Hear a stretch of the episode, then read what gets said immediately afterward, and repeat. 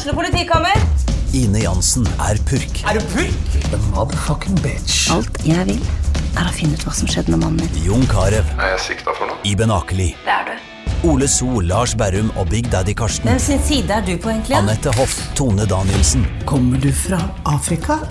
Jørnis Josef, Nesten. Kløfta. Trond Espen Seim, Det er synd å si det, men det var feil mann som døde. Purk. Premiere tirsdag på TV2 Play.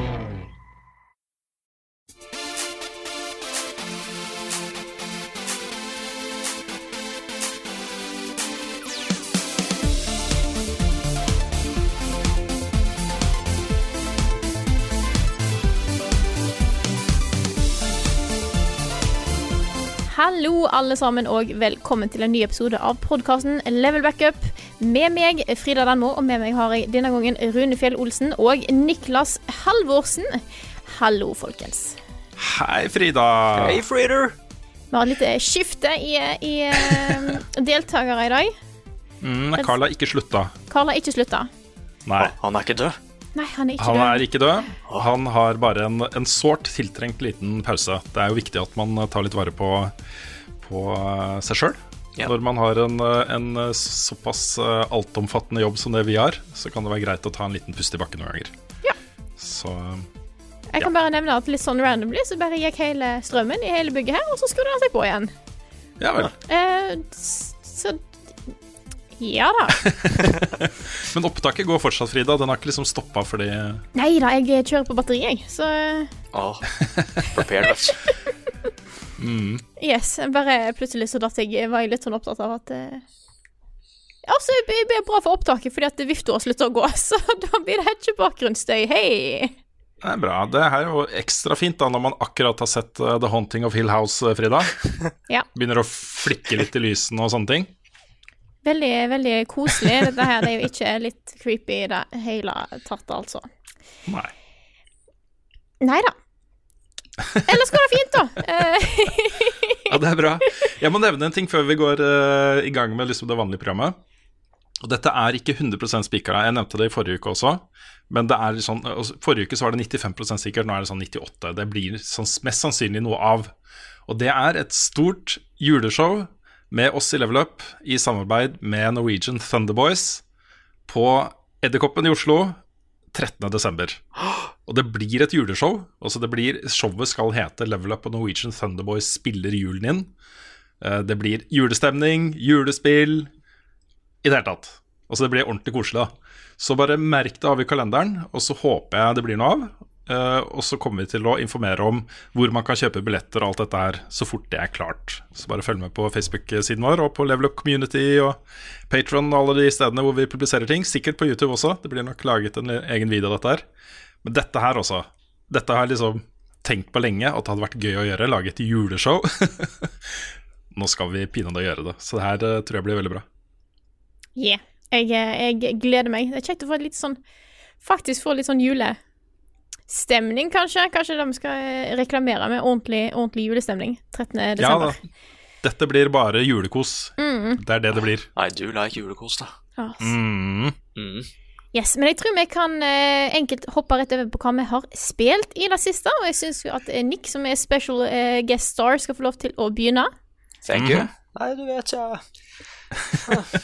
Sp- Spill til Red Dead, da. Ja. Den anmeldelsen din, Nick.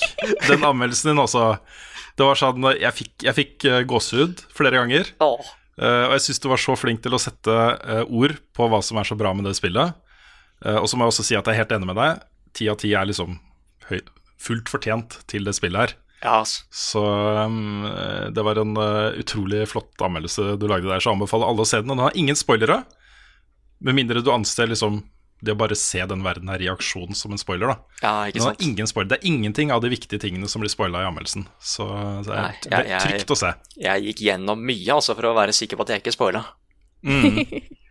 Har, I det hele tatt så syns Nei, I det hele tatt så syns jeg in Sorry. I det hele tatt så syns jeg internett har vært megaflinke til å ikke spoile særlig et par av de tingene som skjer i det spillet der. Mm. Det, jeg har ikke sett det noe sted i mine feeds i det hele tatt. Og det er uh, ja, veldig imponerende, altså. Folk har klart å holde seg. Ja. Folk har tatt hensyn, ikke sant? Mm. Ah, Men nei, det er eh, Det er vel stort sett liksom jeg, jeg, Den uka som har vært, jeg, jeg sto opp, spiste litt frokost, og spilte jeg det- eh, da. Så, så la jeg meg, da, så spiste jeg frokost. det, det var liksom men, men det som var så gøy med det, var jo det at eh, jeg, jeg, jeg syns jeg begynner å bli litt flink til å anmelde open world-spill nå. Jeg har et litt sånn Mm. oppsett på ting. ikke sant? Bare jeg tester et par ting og gjør historien og litt sånn. Men det var så gøy å liksom bare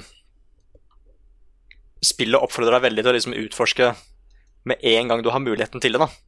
Mm. Og hvis du vil, så kan du helt fint fokusere på historien. Men jeg Det er et veldig sånn stort fokus med at du skal ta vare på den gjengen du er sammen med, da.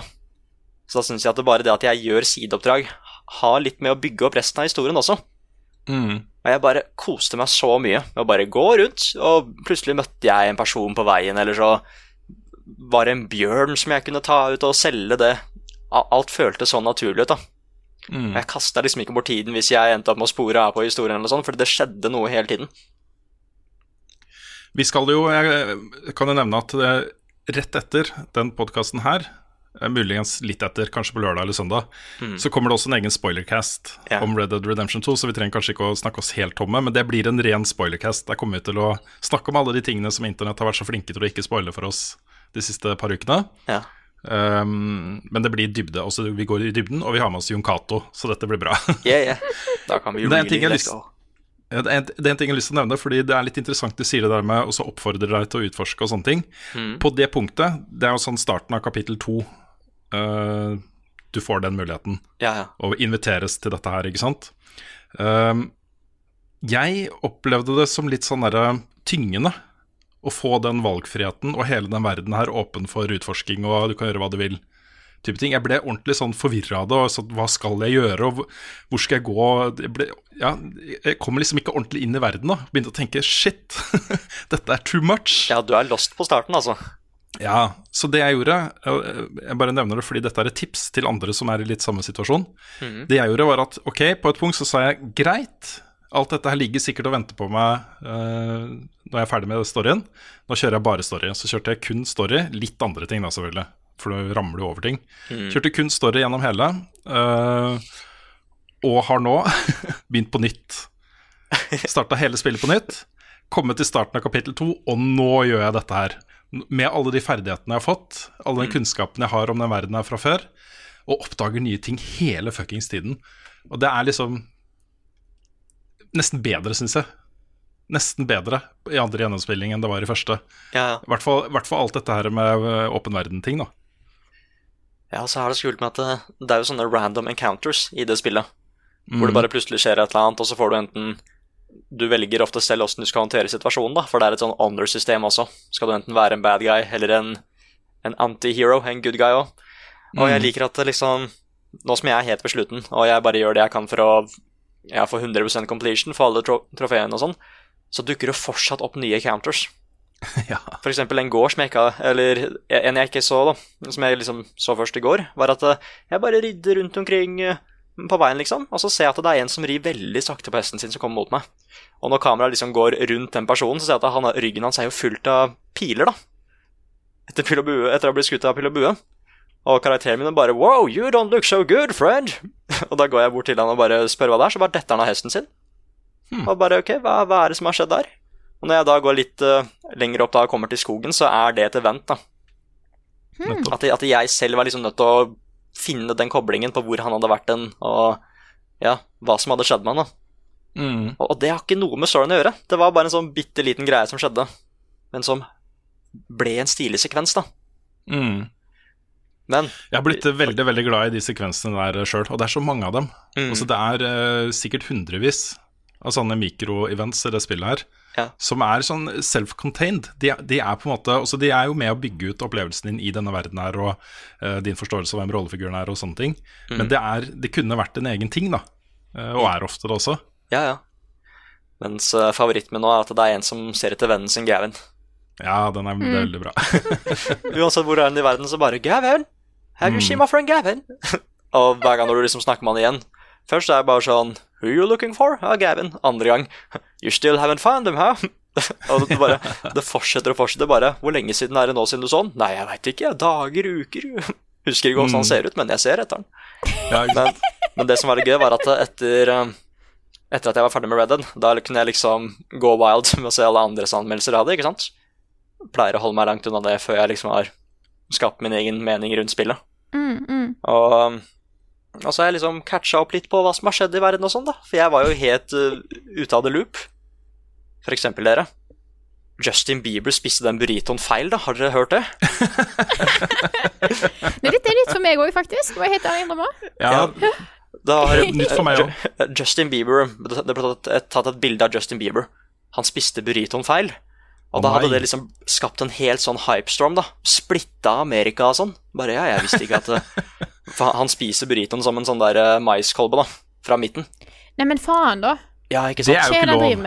Nei, det er ikke lov. Og det sa jo nyhetsfolk og sånn ifra om, da, at det var jo ikke greit.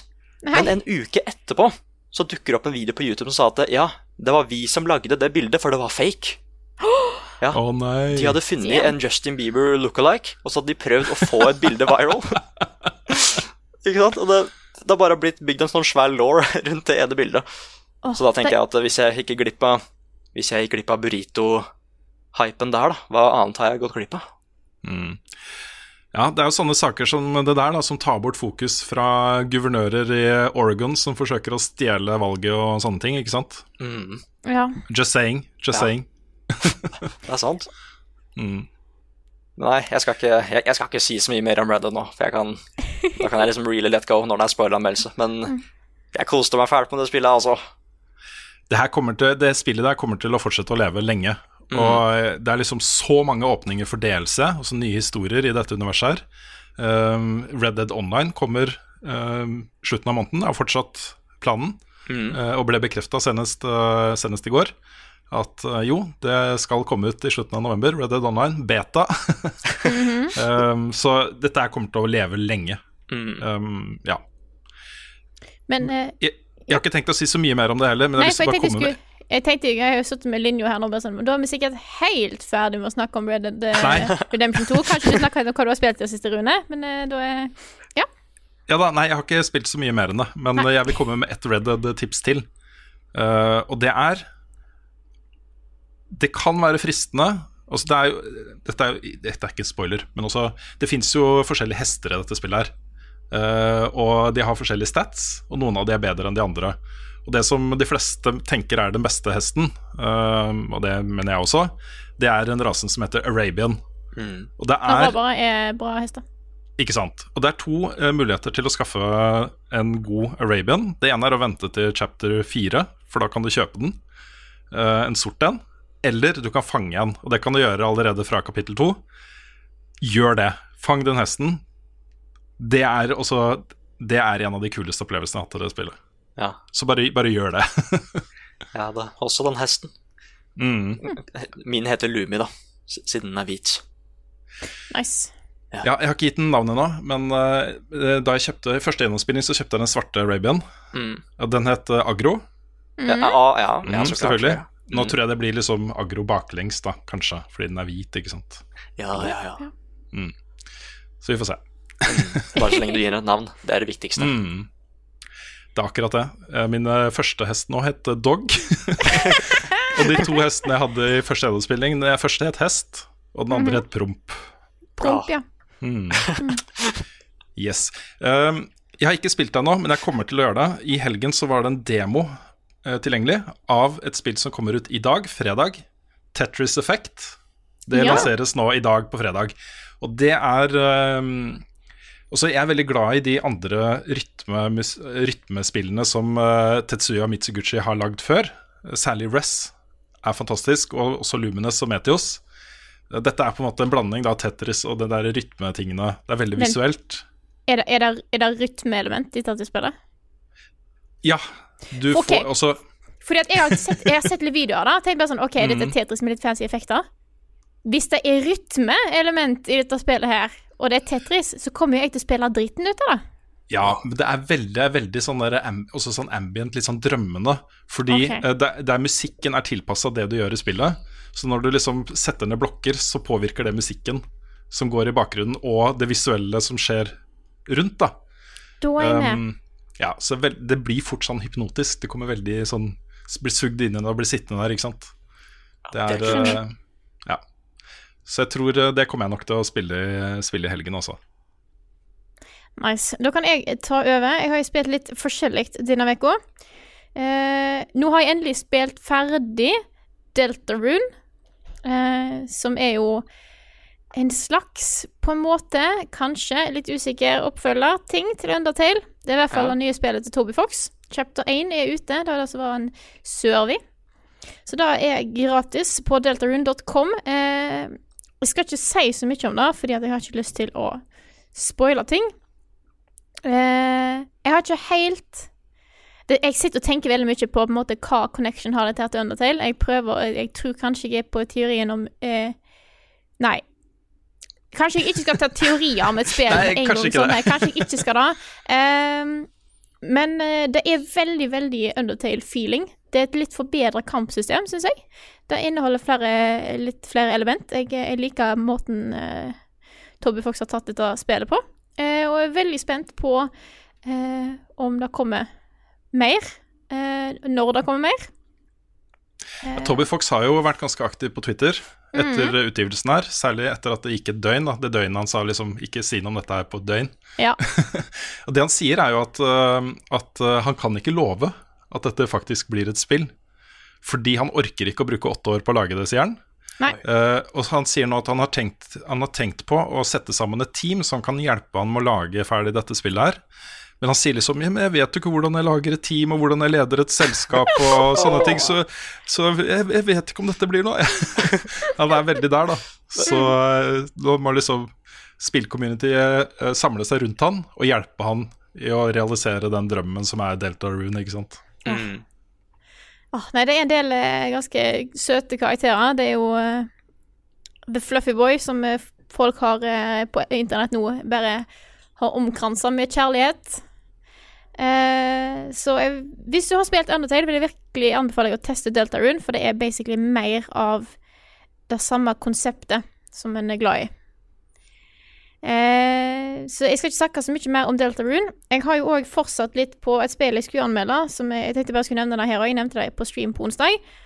Eh, jeg har jo snakka litt om Oberdin.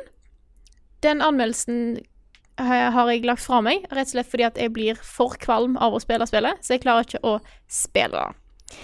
Eh, det har en veldig kul artsstil, men det er dessverre den artsstilen som gjør at jeg blir litt for eh, sliten i øynene. Det er en veldig sånn intens, lyst på mørk stil, eh, inkludert førstepersons eh. Uff da. Så eh, hvis du liker Syns at konsept dette, liksom, dette blir min anmeldelse av spillet. På en måte, dette er det du får av meg nå. Ja. Konseptet er dritkult. Der man går rundt og ser på liksom hvordan folk døde, prøver å finne ut hvem er de, hvordan er connection til de andre personene, hva er det som har skjedd. Det er litt eh, det, det er kjempestilig. Anbefales veldig. Men ta og sjekk hvor mye du klarer å spille det før du blir kald. Det er Der er litt, Steam sin eh, refund-greie kanskje en uh, idé. Ja, ikke sant. Det er jo litt sånn eh, Du, du faller jo inn i en, en eh, lang og stolt tradisjon nå, Frida, med anmeldere som har visse begrensninger eh, Ja. her i Norge. Snorre Bryne i Dagbladet har, har jo ikke samsyn, Oh. som gjorde at han kunne jo ikke teste VR i det Nei. hele tatt. Så det går, det går faktisk an å være spillanmelder, selv om man kaster opp når man spiller disse spillene, og selv om man ikke kan se VR, f.eks. Jeg har aldri, jeg har aldri kasta opp av spill ennå. Eh, jeg bare blir litt sånn Det er litt sånn som hvis du blir bilsjuk, bare at det aldri Det gir seg ikke på flere timer. Så- Mm. Nei, men det så verste dere med å kaste opp er jo Det verste med å kaste opp er jo den der halvtimen før du kaster opp. Ja. Ikke sant? Og det er sånn det føles. Og jeg har opplevd det noen ganger selv også med spill. Hvor jeg har blitt så kvalm at jeg har måttet legge meg ned på sofaen og bare vente til det går over. Ja. Og det er ubehagelig, altså. Og sånn var jeg et kvarter med, med Oberdin i helga. Så eh, hvis du er som meg og har litt problemer med, sånn, med litt førstepersonsspill og sånt, så kanskje se en walk Nei, se en Let's Player, da, hvis du blir interessert. Eh, hvis ikke, hvis du ikke blir plaga av sånt, eh, anbefaler spillet veldig sterkt. Så vi hopper videre til det spillet jeg faktisk nå har tenkt til å anmelde istedenfor. Da er det vi spilte på stream i går. Det er The Missing, eh, som er en et bisart spill, kan vi vel kanskje kalle det. Ja, det var proper weird. Ja, det var der proper weird. Eh, hvis du Hvis ikke du så streamen i går, ta og se et lite klipp sånn cirka midt uti, så prøver du å finne ut på en måte, hva som skjer, for vi vet heller ikke hva storyen er ennå. Eh, men det er jo da eh, en, Det er jo en slags puzzle-plattformer, der konseptet er at du kan dø eh, og kutte av deg lemmer og sånt, og så bruker dem til å komme deg videre. Eksempel, istedenfor at du må plukke opp en stein og kaste eh, en stein på en ting, så kan du hoppe borti noe eh, sagblad og kutte deg en arm og kaste den istedenfor. Mm. Eh, hvis det er litt trangt en plass, så kan du bare kutte det i resten av kroppen, og så kan du bare rulle hodet ditt inn, og så kan du regene deg der inne. Så det er sånn herlig grotesk eh, som er gjort til det ekstreme, sånn at eh, det blir mer Det blir for over the top, rett og slett. Og jeg, jeg elsker konseptet, for det, var et par tidspunkt der jeg ikke innså hva jeg skulle gjøre, for jeg bare klarte ikke å tenke i de andre Altså disse banene at det var liksom kroppen min som skulle fungere eh, som løsningen på alt. Det beste var da jeg innså at det var litt mørkt i et rom. Så hvordan kan du fikse det? Du setter fyr på deg sjøl. Selvfølgelig. Så det er litt eh, sånne ting. Jeg eh, har fått med meg at spillet ikke er så veldig langt, eh, så jeg har tenkt til å fortsette med det nå i eh, de neste dagene, og så se om jeg kan få ut en eh, liten anmeldelse av det. Det er jo eh, midt i blinken for meg. Dette handler jo òg om ei øy. Ja, det er kjempebra, Frida. Ja, Ikke så meg og indiespill om øyet er jo eh, perfekt match, så da blir det noe Da blir det nok en liten anmeldelse av det etter hvert. Dette hadde egentlig vært en veldig fin eh, avslutning som å gå over til neste spalte, men jeg har bare lyst til å nevne at han som har lagd dette spillet her, uh, Swery, det er jo da også mannen bak Deadly Premonition, som er en sånn eh, eh, streaming- og Let's Play-favoritt på YouTube, eh, og en litt sånn favoritt blant eh, spillere som er på jakt etter ting som er litt sære og annerledes. Og det er en veldig unik eh, spillskaper, så eh, verdt å få med seg det der også.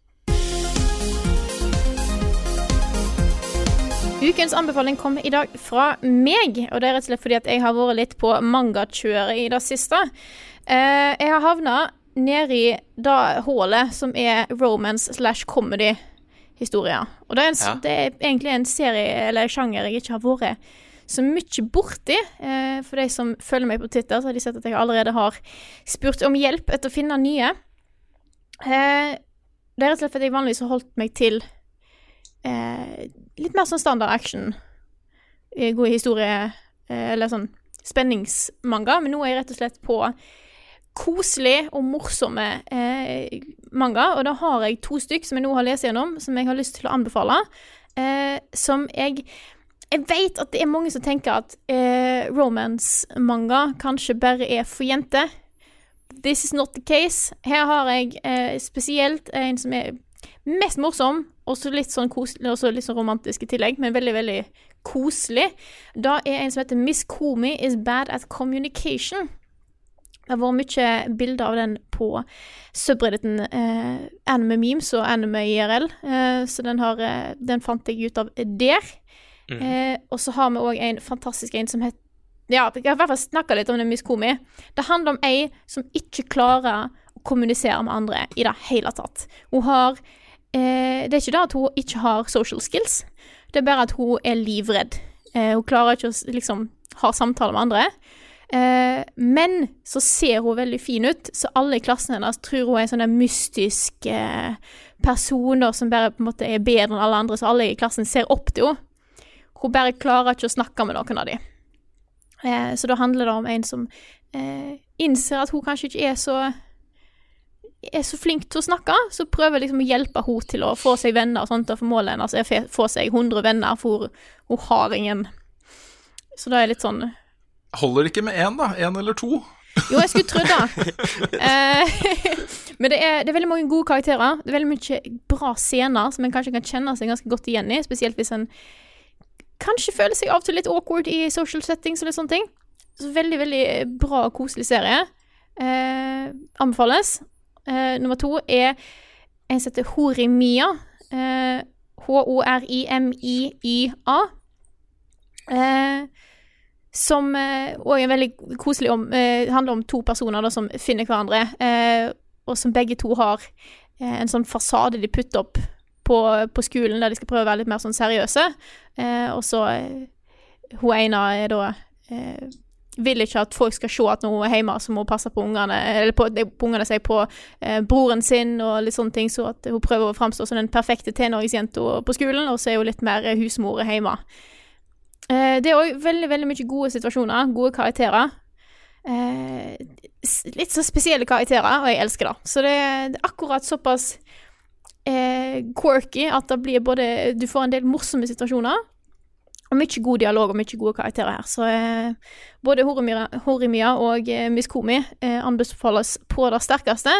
Og så sier jeg her òg, sånn som jeg gjorde på Twitter, hvis det er noen som har noen gode manga i eh, disse sjangrene her, eh, altså romance slash comedy og sånt, og anbefaler meg, så er jeg veldig åpen, for nå er jeg på utkikk etter, etter nye. Jeg har fått en del gode forslag, så jeg har litt å ta for meg. Men eh, enten skriv i kommentarfeltet eller et eller annet, send meg en melding, så eh, jeg er veldig åpen for nye forslag.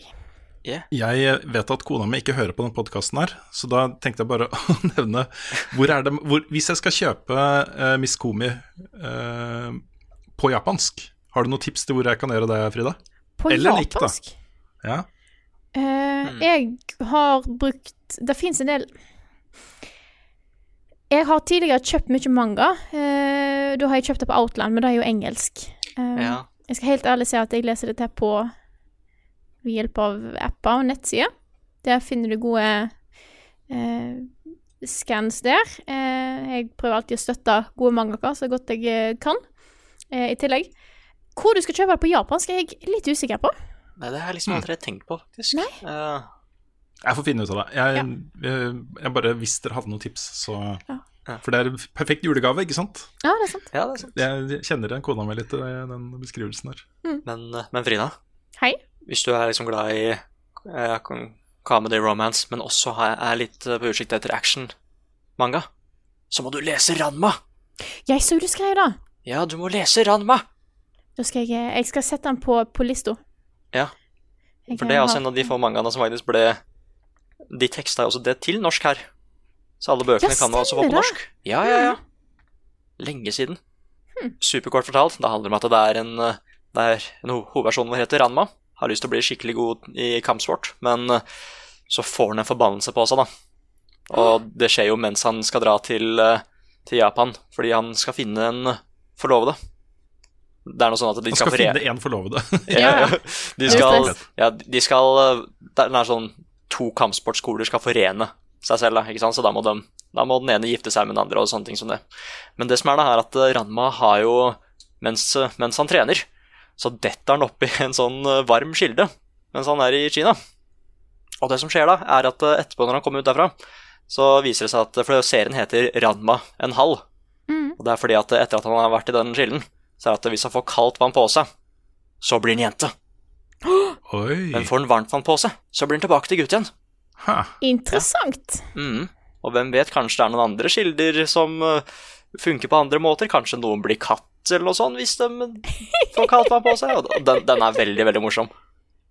Det er veldig sånn slice of, slice of life, men det er veldig komisk. Og de gjør veldig narr av andre action-mangaer og sånn.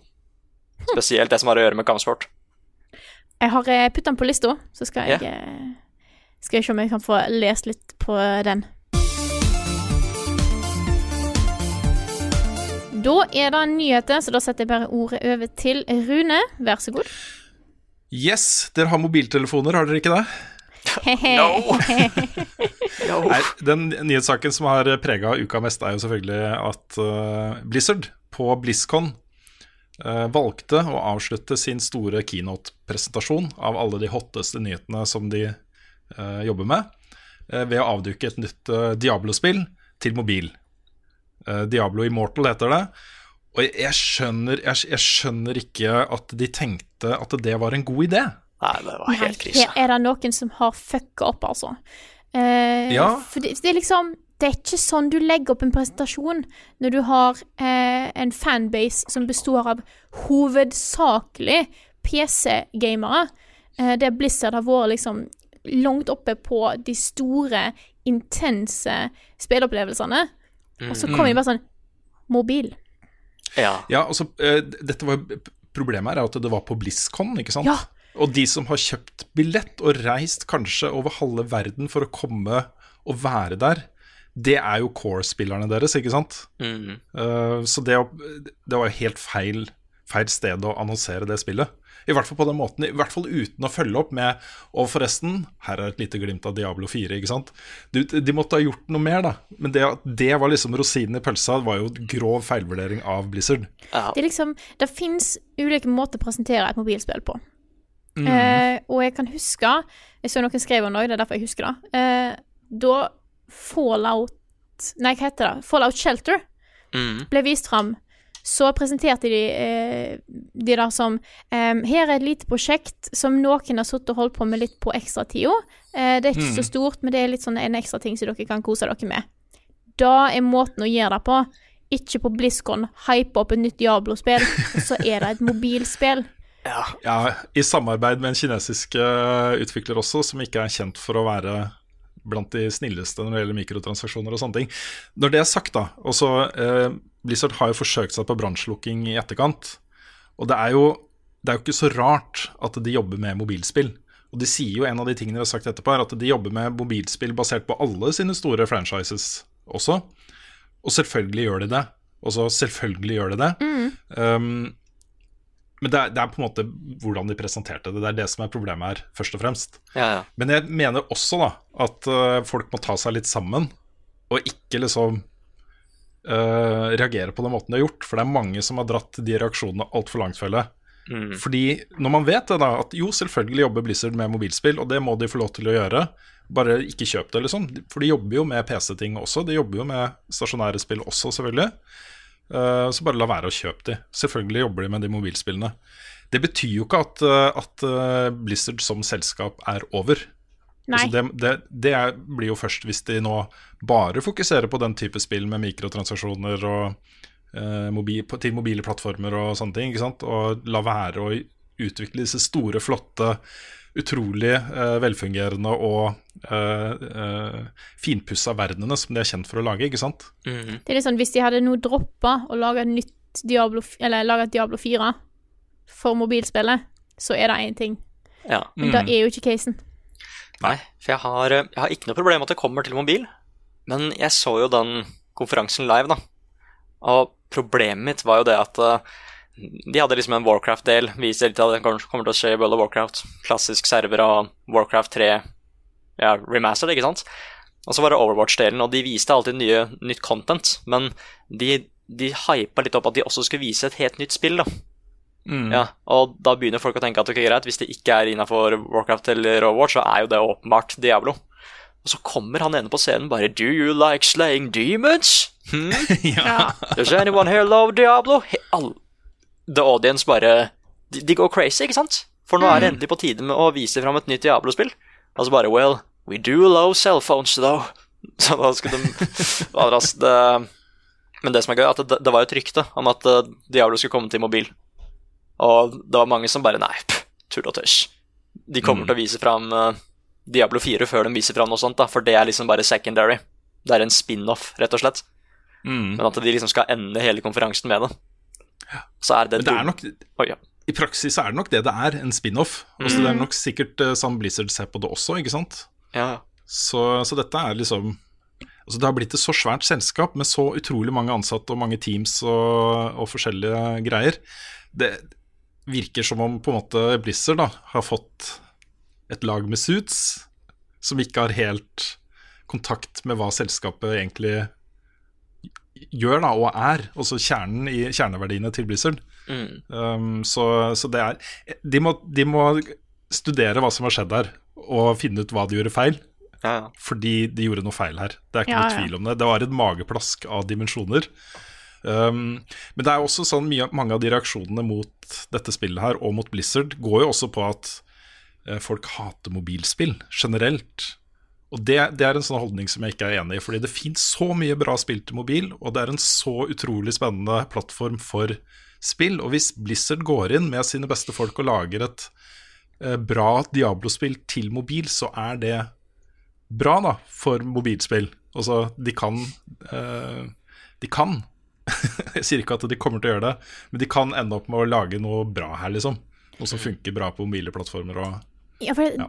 Blizzard er jo allerede på, allerede på mobile plattformer, har gjort det bra der, med Hearthstone. Mm. Nettopp. Det er ikke et ukjent plattform, eller et uh, ukjent eh, område for de egentlig i det hele tatt.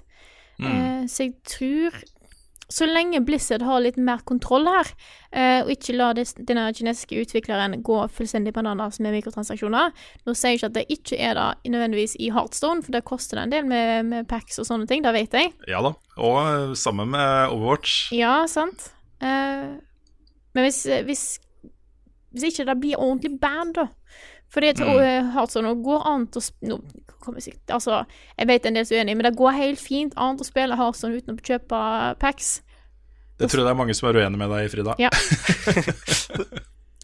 I know, men det er mulig. Jeg, Mm. Det er jeg sier mulig. at du, du, det, det er litt pay to win, det vet jeg, men Arena eh, nå, jeg, nå er ikke jeg verdens største Hearthstone-ekspert, det skal jeg helt ærlig innrømme. Men hvis, så lenge Diablo-spiller òg vil være mulig å spille for den vanlige personen uten å bruke masse penger på det, Mm. så er det en annen ting. Jeg er jo spent på prisen på det. Mm. Jeg, jeg, tipper, altså jeg tipper at det blir gratis, jeg, med mikrotransaksjoner. Ja. Det er uh, my guess. Um, og det som, er, det som jo er faren her, og det som er på en måte hvis man skal hente ut noe konstruktivt da, av all den kritikken som har kommet, uh, for det er ikke all den som har vært konstruktiv, men kjernen uh, i kritikken er jo en frykt for at Blizzard skal ha blitt blenda av alle de milliardene av kronene de har tjent på mikrotransaksjoner de siste årene, via Overwatch og via Hearthstone. Det er liksom det er en reell frykt, da. Så sant sett så syns jeg det er bra at fansen deres sier ifra. Mm. Uh, og gir klar beskjed om at den kursen der, liksom Ikke ta, ikke ta, den, ikke ta den kursen. Uh, fortsett å være Blizzard. Fortsett å lage de fantastiske spillene dere er kjent for å lage. Fordi det er lett, ikke sant. Jeg, når du blir så big business som Blizzard har blitt, og alle de pengene de tjener, så er det lett å bare begynne å tenke penger, ikke sant. Og la det styre, styre beslutninger man gjør som selskap. Så ja. Men det er jo òg en prioritering det at de har satt spillet vekk til en annen utvikler, ikke inhouse. Ja da. Eh, Det viser jo hvor eh, at det kanskje ikke er deres main fokus. Så Nei. Nei, jeg, jeg tipper at, uh, at dette her kommer til å ende med en sånn redemption-story. Ja. Neste gang Blizzard står på en scene og presenterer noe, så blir det ikke bare Diablo 4, men det blir noe helt annet også, noe nytt. En, en helt nytt spill. Starcraft 3 og World of Warcraft 2. har det gått, no, har det gått Ja, mange år før Starcraft 3 kan få lov til å komme ut? Ja, ja. Ja, ikke sant. Ja, nei, men eh, de har jo sagt også at de jobber med mange prosjekter inhouse, Mm. eh, og flere av dem, de prosjektene som de har liksom oppe til vurdering, er helt nye IPs. da Ting som, ikke er, eh, ting som ikke er en del av de etablerte seriene deres. Greit. eh, bare, du nevnte det kjapt, eh, Nick, men eh, Warcraft 3, 3 Reforged ble også presentert. Mm. Det er jo en full remaster av Warcraft 3. Eh, Det ble kjent at eh, World of Warcraft Classic eh, blir lansert sommeren 2019, Ja. og at det kommer til å bli gratis for de som abonnerer på World of Warcraft. Yes. Da, kan jeg bare si hvor genialt det er av Blizzard? Fy Ja, ja. fader. Da at de, har, at de implementerer det som en del av subscription, istedenfor å opprette en egen en, eh, Mm. er fantastisk for Blizzard, både for å eh, Fordi at jeg tror at det er en del som sikkert kommer til å teste ut eh, Vanilla, eh, fordi at folk er, folk er glad i Vanilla, selvfølgelig. Eh, men når de først har kjøpt subscription til det, så kan de like godt hoppe inn i eh, Battle for Asteroth, og kanskje blir der òg litt lenger. Og det gir faktisk muligheten til liksom at folk faktisk kan få veksla litt, da. Eh, hvis du ser på det salgsmessig, så er det genialt av Blizzard. Eh, og så er det òg selvfølgelig litt hyggeligere for de som spiller, for da slipper de å måtte betale opp dobbelt. Mm. Yes. Ja, Jeg gleder meg til Classic, altså. Bare det Ja. Jeg, ikke jeg. Nei. Jeg har ikke noe forhold til det. Jeg har, jeg har, ikke, jeg har ikke stått og drept uh, bitte små minions i fire timer. Nei, ikke, ikke sant. Nei, jeg, jeg var der, jeg, vet du. Og det, det, nei, det jeg blir mest spent på, er at uh, veldig ofte i de expansionene så pleier det å forandre mye på verden, ikke sant? Og for eksempel den expansion som het Cataclysm, så var det så veldig mye som gikk galt med mange av karta, da. Så de ser jo helt annerledes nå enn det de gjorde for ti år siden, da. Og jeg så bare et lite sånn Jeg så bare et bilde som sammenligna de to. Og jeg ble fylt av en sånn varm og deilig nostalgifølelse. da At jeg bare Jeg gleder meg til å slite litt, som det jeg gjorde da jeg starta å spille i Vanilla. Og så bare gleder jeg meg til den Ja, så gleder jeg meg til den sosiale delen med at eh, At du faktisk må finne en gjeng med venner, snakke med dem og organisere til å gå i dungeon eller raid. da.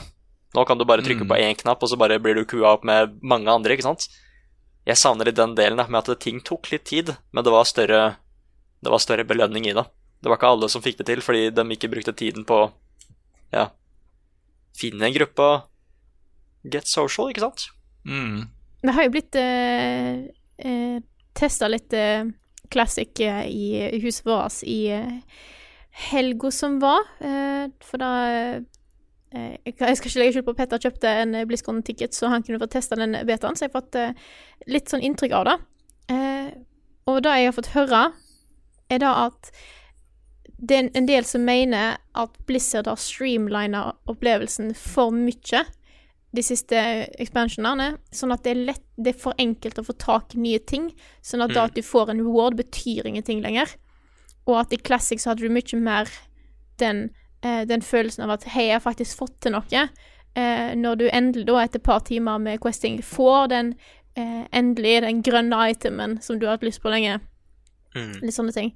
Eh, så eh, det blir spennende å se hva folk syns om eh, Classic når det kommer ut. Det vil nok være en veldig annen opplevelse enn det det er eh, nå. Men jeg tror det sikkert blir en hyggelig sånn derre nostalgiabølge for de som har vært borte i Classic og vet hva de går til. Mm, jeg, jeg tror ikke jeg kommer til å bruke sånn supermye tid på det, men jeg er bare veldig redd for at jeg kommer til å hate det òg, da, samtidig. At jeg er blitt for vant til det World of Warcraft er nå, enn det det en gang var, da. Så jeg, jeg håper jo ikke at det skjer, men jeg bare Nei, vi får bare se åssen det går, egentlig. Um, bare de siste nyhetene fra BlizzCon var jo en eh, ny eh, helt til eh, Overwatch. -hmm. Calamity Ash. Som uh, også hadde en, eh, en eh, ulti som var eh, BOB.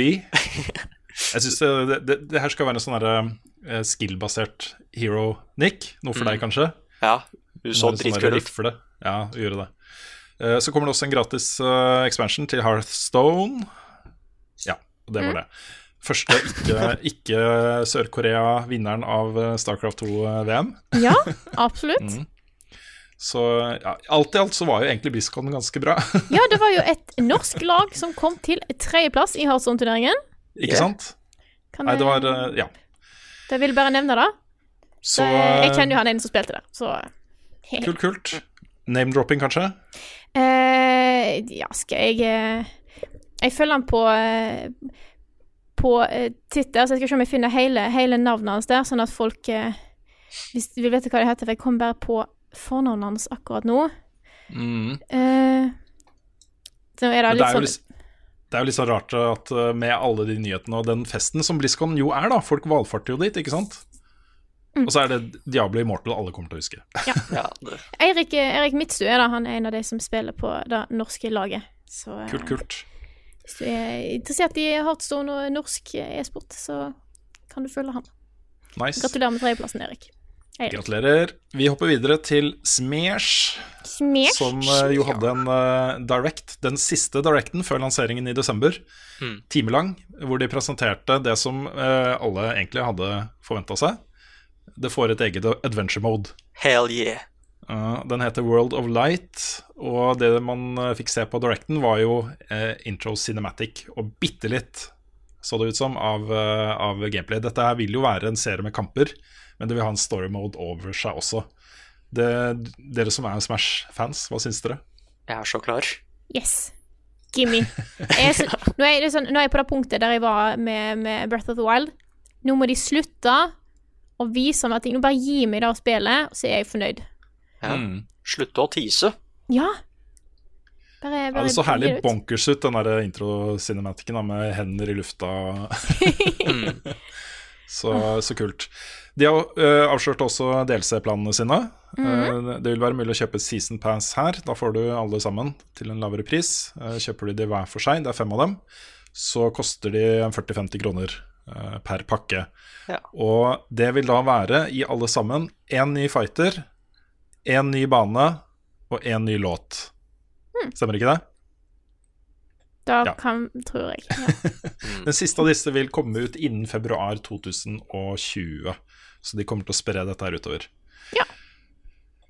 Yes. Um, Red Dead Redemption 2, vi er må tilbake, har Yes. solgt 17 millioner eksemplarer så langt. Det er Jesus crazy, altså.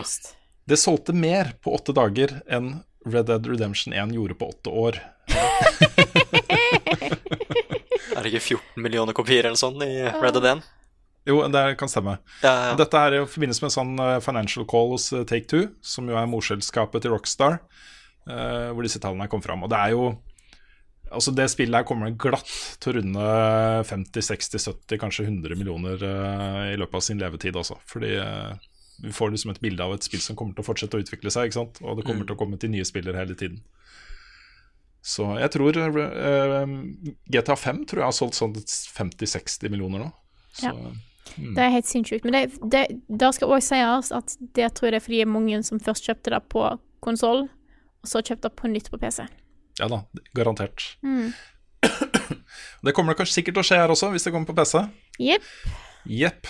Um, på lørdag klokka ti på kvelden, norsk tid, har Microsoft en to timer lang Inside Xbox-presentasjon.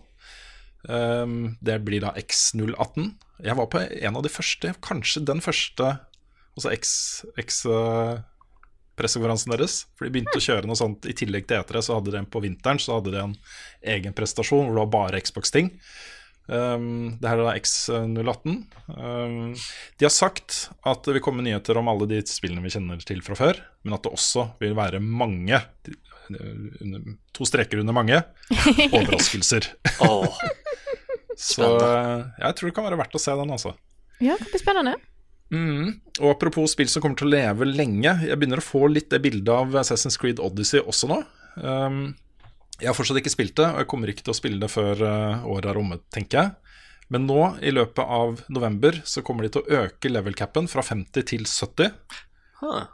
Uh, og så får du transmog, som betyr da Ah, okay. eh, at du finner et armor set som du digger utseendet på, men må legge fra deg fordi du får armor sets med bedre stats eller høyere power level eller et eller annet.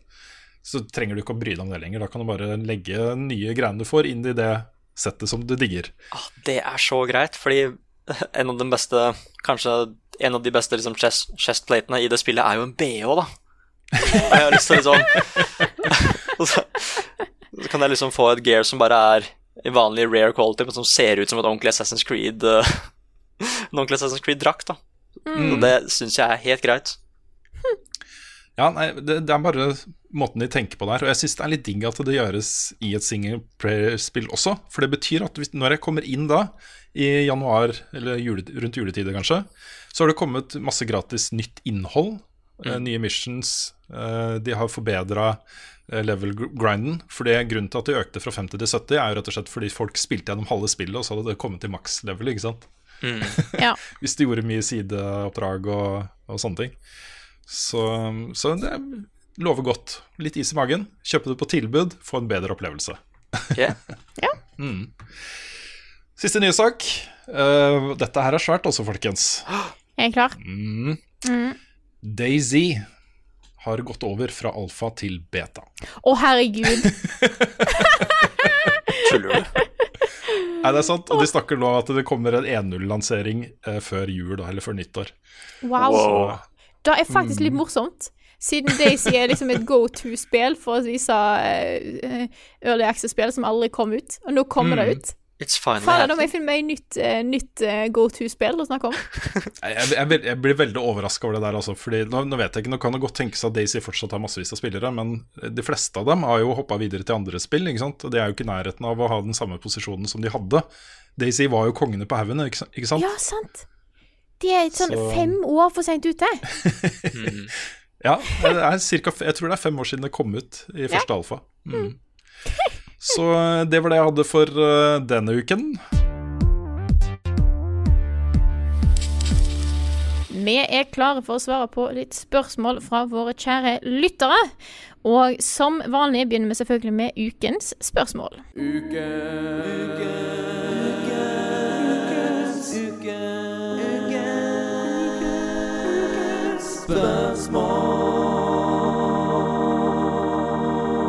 Og denne vekos ukens, denne vekos ukens spørsmål er litt veldig blanding av dialekter her nå, men vi kjører på, er fra Harald Sømnes Hansen. Han skriver åpne verdener i spill i dag kontra noen år tilbake igjen er blitt så gigantiske at de ikke frister å spilles på nytt etter man er ferdig. Det popper opp nye oppdrag på kart og grensesnitt mens du allerede er på ti fra før. I tillegg er questene milevis fra der du er.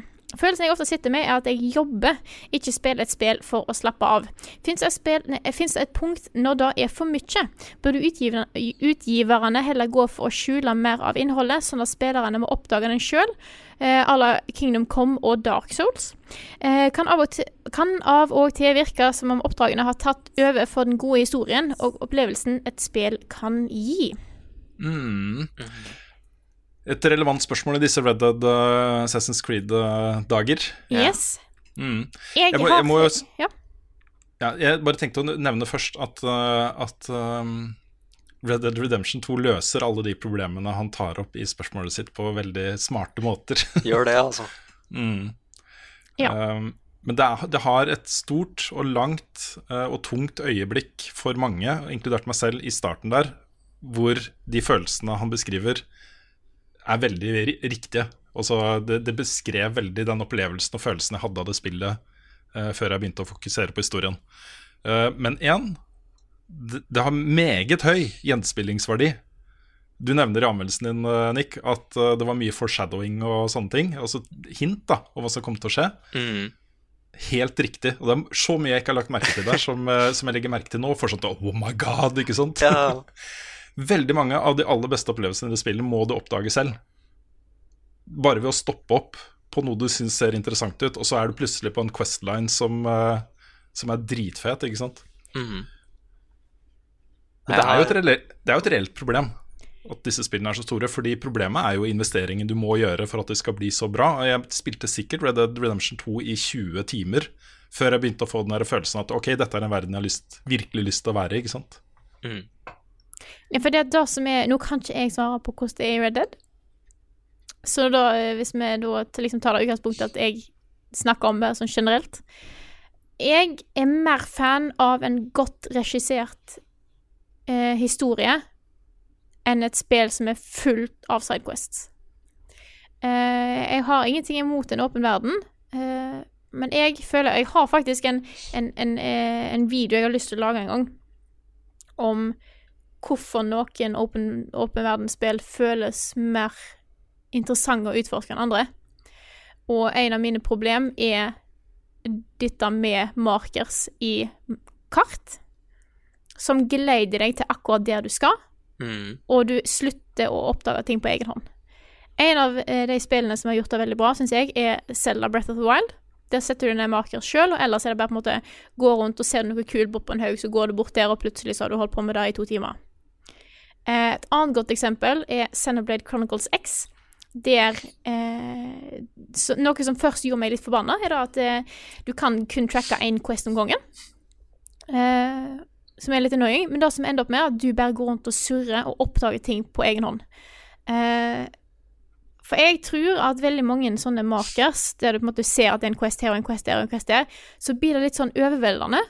Eh, jeg blir sliten og blir sånn OK, shit, jeg har så mange ting jeg er nødt til å gjøre. Jeg er nødt til å klarne opp kartet litt, liksom. Eh, så jeg er mer fan av ting der du skal oppdage deg sjøl. Ikke nødvendigvis at du får beskjed om at her skal du gå, så skal du gå der, og så skal du gå der. For da er ikke verden like åpen lenger. Kan du nevne et annet spill som gjør det veldig bra, Frida? Kan jeg gjette hva det skal være? Ja, det er Red Dead Redemption 2 igjen, da. Men uh, der er det Du har litt det problemet med at det er uh, ikoner overalt. Um, men uh, det er liksom Selv om det er kanskje et par hundre sånne ikoner du kan få opp i løpet av, et, av en hel gjennomspilling, så ser du ikke alle hundre samtidig. Det er et utvalg av dem som kommer opp, og noen av de er bare tilgjengelig mellom en viss klokkeslett fra til på døgnet. Eh, noen av dem blir borte en, liksom en uke da, i spillet fordi de du skal snakke med, er ute og reiser. ikke sant? Så det er, det er ikke den samme jaget etter å ta de.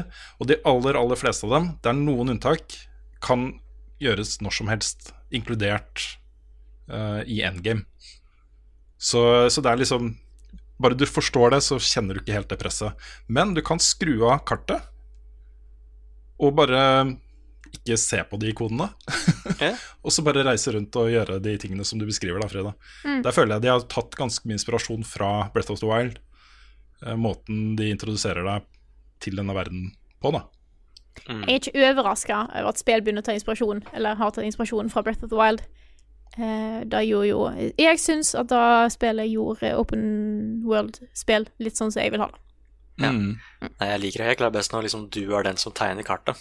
Mm. At du liksom ikke har eh, For jeg får helt noia når jeg åpner opp et eh, open world-kart, og så er det spørsmålstegn overalt på det kartet. Mm. Og de har, allerede, liksom, de har allerede liksom forma det. Jeg ser hvor stort det er. Det er liksom ikke noe spennende Det er ikke like spennende som at jeg oppdager nøyaktig hvor svært det er selv, eller hvor jeg kan gå der. Mm. Derfor er jeg veldig glad i Breath of the Wild og Red Dead på den der. Mm. Og så er det også sånn det er mange av disse Quest-rekkene som er optional, da.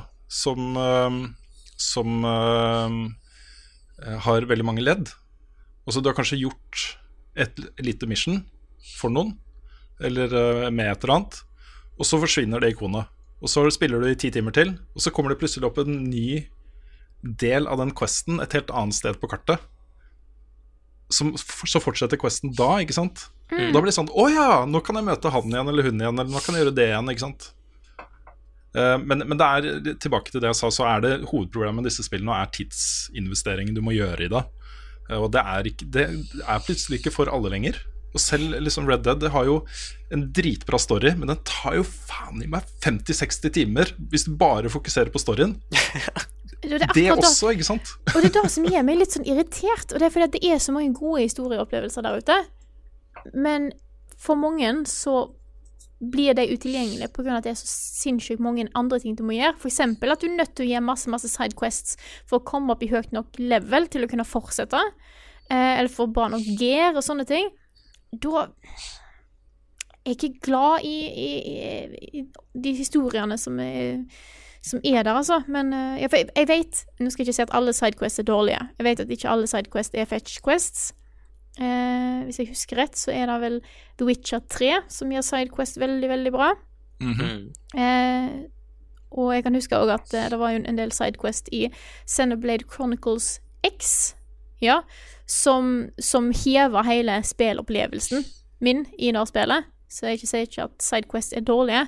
Jeg bare sier at oftest så er det på en måte denne hovedhistorien som kanskje er den viktigste historien. Når en ikke kan få med seg den fordi det er altfor mange andre ting du må gjøre, så er det litt dumt. Mm. Ja. Ja. Jeg vet ikke om det er mulig å konkludere det med noe her, men når du ser liksom 17 millioner solgte spill Jeg tror dette er nye, nye det, er, det er sånn de spillene har blitt, tenker jeg. Ja. Og så får vi se om noen klarer å eh, kombinere de to. F.eks. en tightere eh, Breath of the Wild, eksempel. Hvis du bare følger de gule markerne som tar deg videre i historien. Så, så du, kan jo, du kan jo være hos Ganondorf etter et kvarter, liksom, hvis du vil. Ja. um, så er det en ganske god måte å løse det på. Fordi du blir liksom, da får du, hvis du bare fokuserer på det, så får du liksom den opplevelsen også. Og det er mulig. Og det er Jeg har snakka en del om de der sidequestene i, og de optional-oppdragene i Red Dead Redemption 2. Det er mange av de som er sånn egne historier som gir den type opplevelsen. Et narrativ eh, med liksom en begynnelse og en slutt. Når du er ferdig med den, så er du ferdig. Eh, så kanskje liksom flere mikrohistorier også er en, eh, en mulighet der. Men, ehm, men det er tidsbruken, altså. Dette er- kjøper du Har du bare mulighet til å spille en time eller to på kvelden, så kommer du til å bruke ikke sant, tre-fire måneder da, på å komme deg gjennom et spill som Red Dead Redemption 2. Ikke sant? Da må du Ja. være klar for det. Og alle de spillene du går glipp av ikke sant? fordi du fortsatt ikke er ferdig med et spill. Mm. Det er commitment. Mm. Det da. Hm. Jeg tror vi setter strek for det spørsmålet der. Ja. Eh, jeg har tenkt å ta et eh, som kanskje er litt kort, men det er greit, for da kan vi ta flere spørsmål. Eh, dette er fra Kristoffer Getteboys Hansen Leistad, som skriver Tenker dere å bli med i Hemmelig nissevenn, som er i Community i år? Og da vil jeg ta opp fordi at jeg syns det er en så koselig ting som blir gjort i Community. Det er vel tredje året det blir gjort nå. Mm. Som er da Secret Santa-opplegget, da. Hemmelig nissevenn. Der en deltar og får en person som du skal sende en julegave til, og så får du en tilbake igjen av en tilfeldig person. Syns det er så koselig. Ja, det er kjempekoselig. Ja. Og community er da Level Up Community, som du finner på Facebook ved å søke på Level Up Community. Mhm. det ligger også link til det fra vår eh, side uh, på Facebook. Ja. Um, og det er helt riktig. Også Secret Santa er et uh, konsept som jeg er veldig glad i. Fordi det bare, For det første så er det gøy å velge ut en gave som du skal sende til noen. For du vet hvem du skal sende til, ikke sant? Mhm. Du kan prøve å finne ut hva er det den personen liker og ikke liker, og prøve å overraske litt, ikke sant. Og så er det gøy å gå og vente på hva er det jeg får, ikke sant. Jeg har også litt problemer med den type ting, fordi jeg er så dårlig til å faktisk gå ut og kjøpe den, eller finne den gaven og sende den. Jeg endte jo opp det året jeg var med, i, var det i fjor eller forfjor? Um, og kjøre hjem til min Secret Santa-mottaker og levere gaven personlig. Og så ringte jeg på døra og ga gaven, ikke sant. Veldig secret, eh, Rune. Ja, ikke så veldig. Du var Um, gaven. Ja, i, det var i forrige fjor. I fjor så surer jeg ikke da, da. Men uh, Jeg har eh, i hvert fall meldt meg på. Jeg har vært med de siste to åra, så jeg tenker jeg skal være med i år òg. ja, jeg kommer nok til å gjøre det, jeg også. Ja, sjæ- sjæl. Mm. Så det er en eh, koselig ting å eh, være med på. Så jeg tror fristen der går ut 15. november. Ja, nettopp. Så meld dere på før da. Ja, bli med i Level Up Community også. Norges Ja. koseligste spillcommunity. Definitivt. Da tror jeg faktisk da Det kan jeg nesten garantere. Mm. Yes, jeg vet hva, jeg tror egentlig jeg gir eh, dere muligheten til å komme med spørsmål hver, hvis dere vil det. Ja, jeg har funnet et lite et. Ja, ja vil du ta det? Nick. Ja, for uh, Stian uh, Marton Hansen spør Jeg veit halloween er over, men har dere noen favoritt-creepypastaer? Altså mystiske urbane myter rundt dataspill? Hmm. Har, oh. trenger ikke å være favoritt, men liksom har dere en jeg, dere kommer, liker litt godt? jeg kommer på en. Den er creepy. Den er ikke fra et spill, da. Det er den som heter Russian Sleep Experiment. Ja. Eh, som er jo fake, bare sier det. Eh, men handler om Er ikke de fleste av de ganske fake? Alle er vel det. Men eh, jeg bare sånn eh, Jeg var litt sånn Da jeg så han, eller hørte han første gang, så var jeg litt sånn skeptisk. Eh, men den handler om et såkalt et, et eksperiment, da. Der eh, det var noen russere som prøvde å holde folk våkne så lenge som mulig. Eh, og var på et tidspunkt der de begynte å ta livet av hverandre, men de påstod at det var et monster der som gjorde det. det var, ting var skikkelig, skikkelig bad, liksom. Eh, anbefaler å lese den eller høre en video som går gjennom den. Jeg syns den er fascinerende og jævlig creepy. Mm. Har du en, eh, Nick? Ja, fordi min eh, Kanskje min favoritt, det er jo Madden-forbannelsen. OK? Ja. Ja, det, det, går, ut- det går ut på at For Fordi liksom i sportsspill og sånn, så er det jo veldig veldig gøy hvis du er den spilleren som havner på coveret, ikke sant? Men Ja. for Madden, not, not so much. For hvis du havner der, you're gonna have a bad time. Mm. Rett og slett. Det, det, det er liksom forbannelsen sier at hvis du havner der, så kommer du til å ha en dårlig sesong, da. Om du enten gjør det dårlig i matcher, eller om du blir skada. Det er, det er liksom en sånn ordentlig, ordentlig frykt som fansen har hver gang når et nytt Madden-spill blir lansert. Og folk er redde for hvilken spiller som skal dukke opp der, da. Og det, og det er ingen som kan bevise det, men det er litt sånn Det er et lite mønster der, da. Mm. Wow. Mm. ja. Nei, jeg har ikke noen eh, historier eh, selv, så Men jeg har et spørsmål. Ta, Ja. ta spørsmålet, Rune. Og dette blir litt sånn creepy eh, pasta, det også. Nice. for meg. Det er litt sånn eh, ikke, Det er et sjansespill for meg å ta opp det spørsmålet her, okay. men jeg prøver allikevel. Ja. Det er fra Paul Malmberg, og det er et dilemma. Oi. Aldri stifte familie Å, no, var ja. og få spille så mye du vil hele livet, eller stifte familie og risikere å kun få spilt to timer per uke i de neste 18 år. Det vil si at til barna har flyttet ut, og eventuelt til det kommer barnebarn, og at du har en vanlig jobb og ikke spillanmelder. Spør for en venn. Ja. Jeg så den dukka opp. ja Nei, jeg, jeg, eh, jeg har lyst på unger. Jeg har lyst på Det er på en måte en ting jeg vet jeg vil ha. Eh, jeg tror òg jeg kunne klart meg uten unger dersom et eller annet måte Hvis det er et eller annet medisinsk som skjer, at jeg ikke kan få unger, så hadde jeg eh, jeg, had, jeg tror jeg hadde klart meg, liksom. Men jeg har lyst til å ha unger, så jeg tror jeg må gå for den. Jeg tror jeg setter da Det er jo fortsatt tid til spilling, men uh, Mm. Ja. Jeg, jeg kan jo komme med en erfaring da, som far til to. Og det er det at du mister ikke tid til spilling når du får barn. Fordi det du da må fokusere på, det er å få gode leggerutiner. Sånn at ikke du sitter i fire timer hver ettermiddag og øh, holder det i hånda og synger for det og leser for det og sånt til de endelig sovner. Mm. Men at det, så det vi gjorde fra veldig tidlig, var å bare legge dem og gå. Ja. Eh, og hvis vi, i den grad vi har rutiner, vi har jo noen sanne rutiner. F.eks. så leser jeg for dem nå, da, når de spiser kveldsmat. Da har de først skifta til pysj, og så sitter de der og så spiser de kveldsmat mens jeg leser for dem. Det har blitt en ny rutine hos oss nå. Um, men er, de sitter i stua, på spisebordet. De er ikke i senga si uh, og prøver å sove, ikke sant. Hvis du får til det, at du bare kan legge dem og gå, så har du fra ganske tidlig, fra de er sånn ca. ett år gamle, fra klokka seks og resten av kvelden fri. Ikke sant? Og det er ganske mye tid, da. Uh, og når du i tillegg da ikke er dritsliten fordi du har brukt fire timer på å få det til å sovne, så kan du bruke den til ting du liker å gjøre, ikke sant. Yeah. Så det, det er viktig å få sagt det. Få gode leggerutiner. Det jeg også vil si, er at det å få barn er først og fremst en biologisk ting. Også en, en, noe som har med altså Forplantningstrangen er jo en, en del av de vi er, ikke sant. Eh, det er jo det som Det å drive genene sine videre, det å drive artene sine videre, er, ligger i alle dyr, ikke sant. Men vi er mer primitive enn det vi har lyst til å innrømme, tror jeg. Ikke sant? Så den der følelsen 'jeg har lyst til å få barn', det kommer fra det. Ikke sant? Og det gjorde det hos meg også. Ikke så sterkt som hos andre, kanskje, men eh, den lå der. Og jeg tenkte liksom Ok, jeg, jeg klarte liksom ikke helt å se for meg et liv uten barn, da. ehm, hvis jeg hadde valgt å få det, og ikke få barn. Når det er sagt, da Så det, du kan ha et flott liv uten barn. Og det du får da, er bare det å liksom resten av livet bare tenke på deg selv og eventuelt kjæresten din, kona di, vennene dine, sånne ting, liksom.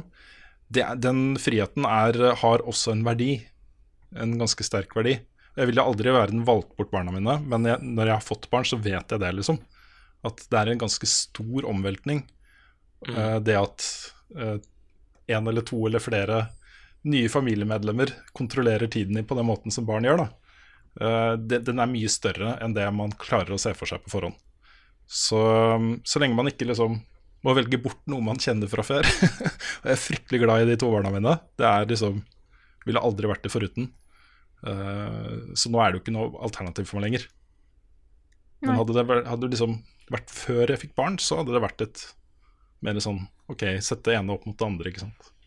Jeg merker jo at jeg ikke er spesielt verpesjuk akkurat nå. Det kan være litt fordi at det er situasjonen jeg er i, med at jeg har måtte, holdt på med en utdanning fram til nå, og i teorien, eller egentlig fortsatt holder på med det. Jeg vet det er veldig mange som får unger eh, mens de holder på med doktorgrad. For meg så er det litt sånn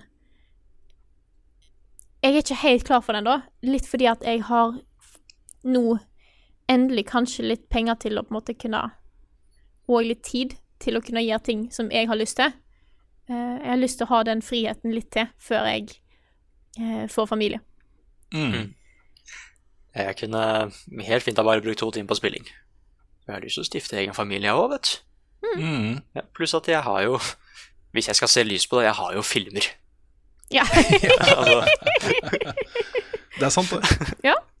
Film og serier og ja, ja, ja. tegneserier. Ja, ja, ja. Ja. har, eh, Og smutthull. Jeg kan jo backseat-game unga, ikke sant? Ja, det må man også nevne, da. Mange av de beste spillopplevelsene jeg har hatt de siste par årene, har jo vært å spille sammen med de gærne ungene mine. Mm. Det er liksom det, Man ser det litt gjennom deres øyne òg, ikke sant. Og man er- kommer litt tilbake til den der pu, pure, rene gleden av å spille dataspill og uh, oppleve disse verdenene som du får der, ikke sant. Som man husker fra barndommen og ungdomstiden, liksom. Mm. Og ikke minst da etter hvert som det blir enda større, så uh, kan vi jo begynne å Kan jeg ta det med på fireteamet mitt i Destiny og sånn, ikke sant? Og Raide med dem og sånt, det ble dritkult. Og ikke minst, da, så kan jeg si til dem at vet du hva, jeg har ligget med mora di, ass. ja. Det var planen hele tiden, egentlig. Ja. ja, Når jeg er ferdig med den kampen der, så skal jeg gå og ligge med mora di. Det er ikke sikkert du eh, får lov til å være på fireteam med de lenger, Rune. Kanskje ikke. Kanskje ikke. Kanskje ikke. Nei, jeg, jeg tror jeg innser hvis jeg får eh, unger som ikke er glad i gaming Det blir interessant. Ja, det blir Krise. interessant. Ja. Krise. Men det er jo litt sånn, ikke sant De verste barna i gata er jo prestesønner og døtre. Det er sånn, eh, På et eller annet tidspunkt så kommer nok eh, ungene mine til å hate dataspill og alt det de står for, ikke sant? fordi de er, skal gjøre opprør. ikke sant? Ja, Mm. det er sant. Hvis du får uh, unger som ikke er glad i gaming og kun er sånn sportsinteressert, da, jeg, da må jeg eh, sette meg inn i litt nye ting, tror jeg. Mm. Ja, for det, hvis du skal gjøre mot, meg, da, Ja. så må det bare være OK, ut i skauen og opp på fjellene, på med skia. Det er liksom den rake motsetninga til å sitte inne i pysjen og spille dataspill. Ja, det er helt sant. Åh, nei, jeg vet hva. Jeg tror kanskje vi skal ta og runde av podkasten her. Jeg eh, har et annet eh, ærend jeg er nødt til å springe videre til. Eh, Mhm. Hvis ikke dere hadde et eh, siste spørsmål på lur Nei, jeg tror vi setter strek der, jeg. Vi setter strek der. Ja, det. Da får jeg si masse, masse tusen takk til våre kjære patronbackere. Dere gjør at vi kan eh, fortsette å ha level up gående. Eh, og vi kunne aldri klart det uten dere, så masse, masse tusen takk. Dere er helt uvurderlige. Det er faktisk eh, de beste folka. Mm. Og så eh, Ja, nå har jeg en, en sånn sterk trong til å plugge Tiltkast, men det er litt seint. Eh, så da tror jeg at vi dropper det.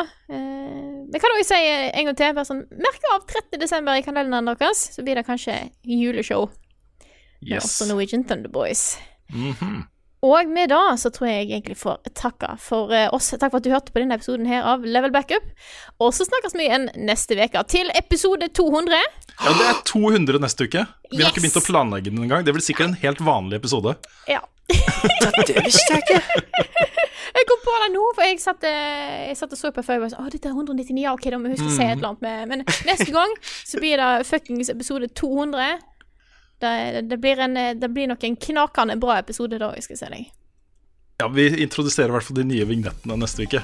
Ja, da gjør vi! Å, ja, Det det blir så blir det i hvert fall det, da.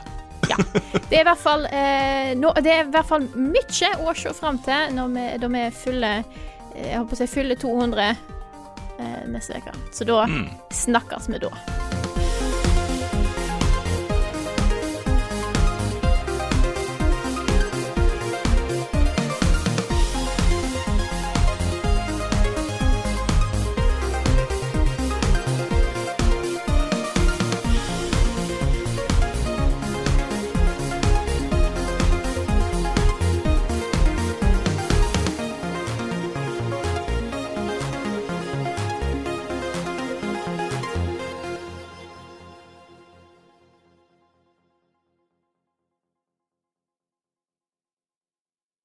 Har du et enkeltpersonforetak eller en liten bedrift? Da er du sikkert lei av å høre meg snakke om hvor enkelt det er med kvitteringer og bilag i fiken, så vi eh, gir oss her, vi. Fordi vi liker enkelt. Fiken superenkelt regnskap.